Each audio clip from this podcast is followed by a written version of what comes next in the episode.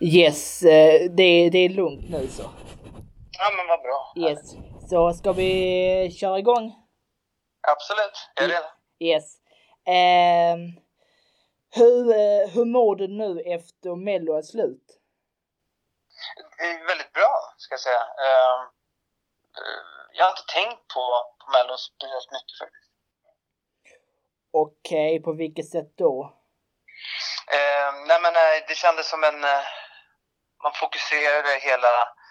Eh, jag fokuserade på mitt nummer och på framförandet och eh, sen var det liksom över för min del. Jag hade liksom ingen plan att, att efteråt att det skulle leda någonting. Jag, jag var bara glad att vi fick att vi fick ihop det och eh, att efter så lång tid när man inte har sysslat med eh, musik på scen och varit aktiv så var det bara skönt att få, att få göra det.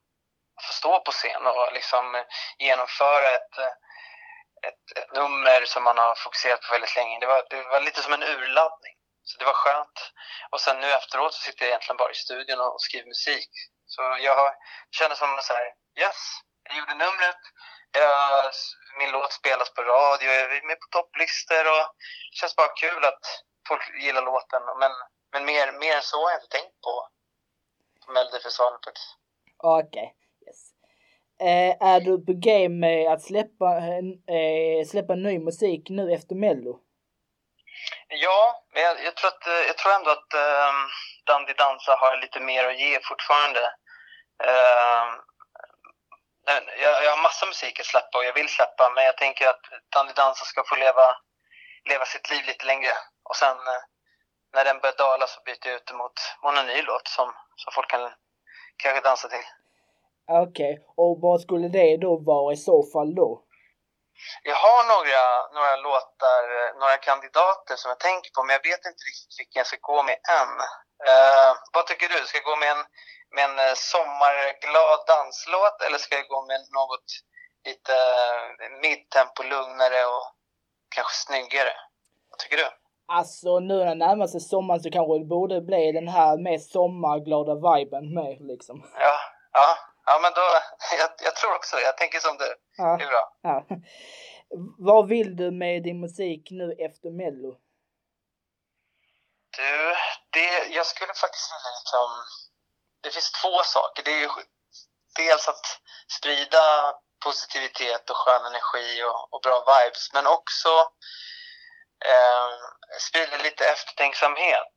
Och eh, jag tror att man får vara man får vara sparsmakad när man skriver sådana låtar med sådana texter för det är inte alltid alla är så sugna på att lyssna på sån, sån text.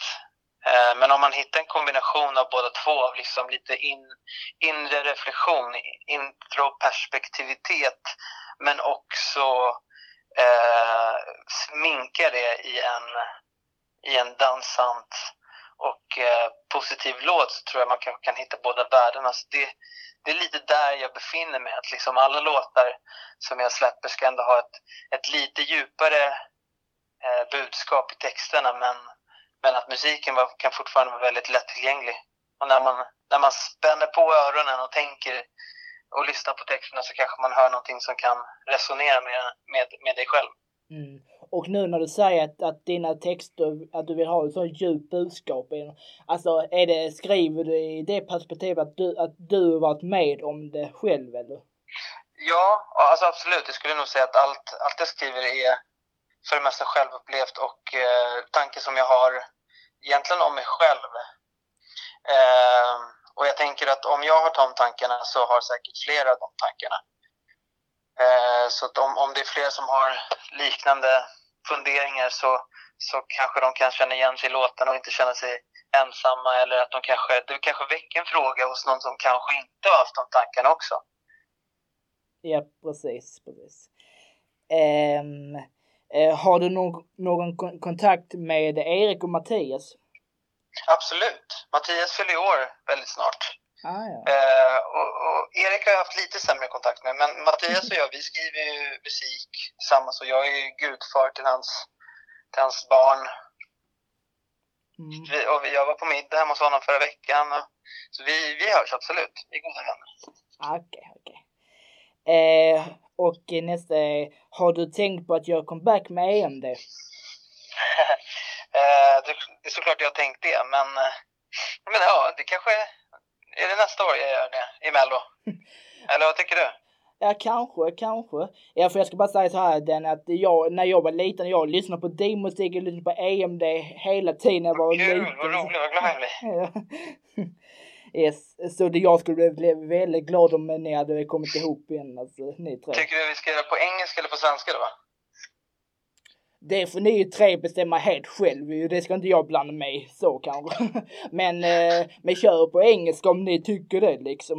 Ja, ja men kul. Mm. Ja, jag ska tänka på det. Ja, mm. hur, hur kändes Mello i år motsvarande de andra åren? Det kändes eh, väldigt, för min del så var det mer avslappnat. Det var inte lika, det var inte så mycket som stod på spel för mig kände jag. Jag, jag känner mig lite mer som en veteran eh, nu för tiden. Jag har haft tid att liksom turnera, skapa shower och turnera i hela Sverige, eh, arenor och liksom fått mycket erfarenhet. Eh, och också någonstans landat i att jag, jag trivs med att vara en artist i Sverige. Jag har inga ambitioner att liksom få publik eller fans i övriga Europa eller världen. Så därför gick jag in med, med ett annat, eh, med en annan energi och en annan eh, mindset den här gången än när jag var med för tio år sedan. När jag verkligen ville vinna till varje pris. Jag ville liksom ut i världen och visa att jag fanns. Jag har inte det behovet längre. Så därför så var det mer avslappnat för min del. Sen tycker jag också att tävlingen var, den var ju annorlunda med tanke på att det inte var publik och man fick inte krama så mycket och allt var väldigt eh, indelat. Så att eh, folk, folk umgicks inte lika mycket, vilket är tråkigt när Mello är en sån otrolig fest. Ja, precis. Men alltså känner du inte, känner du inte så att, att du vill vinna? För du har nu hamnat på eh, eh, andra plats nu två gånger så i Ja, men, ja. Du vet både Nej. 2011 och 2012. Alltså vill du inte alls vinna liksom? Eh, i, I år vill jag inte vinna. Men, eh, men tanken slog mig att jag kanske ska ställa upp igen någon gång med en låt på engelska och verkligen satsa på det igen. Bara för att det, det skulle vara kul. Men, men det, det, den eh, behovet och den här eh, eh, supersuget och viljan efter det finns inte, fanns inte just nu i alla fall som jag hade för 10-11 år sedan. Um, så att jag, men jag, jag kan komma tillbaka om jag, om jag liksom går in, in med det som syfte. Det var inte mitt syfte den här gången. Jag ville bara göra mitt nummer, eh, det här rummet som jag hade. Och sen eh, ville jag skriva en glad låt med, med ett lite djupare budskap eh, och säga någonting på svenska. Det var, Mm. det var, det, var det hela som jag, jag ville ha sagt. Yes. Eh, det där telefonnumret du hade på en av dina lådor, vad handlar det egentligen om? Eh, det var egentligen jag som ville busa med min kompis eh, Kristoffer. Ehm, och, och det ringer ju fortfarande hos honom.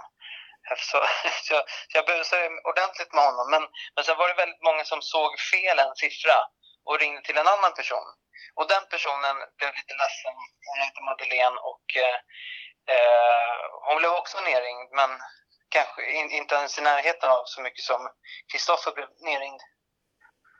Men hon, eh, hon kontaktade ju pressen då, eller SVT och sa att det här inte var kul längre och så. Och det kan man ju förstå. Och det har ju, jag ringde henne och bad om ursäkt och vi har pratat så det, det, det har lagt sig som tur är. Ja precis, för att du blev ju själv också anmäld för det ju faktiskt. Ja. ja.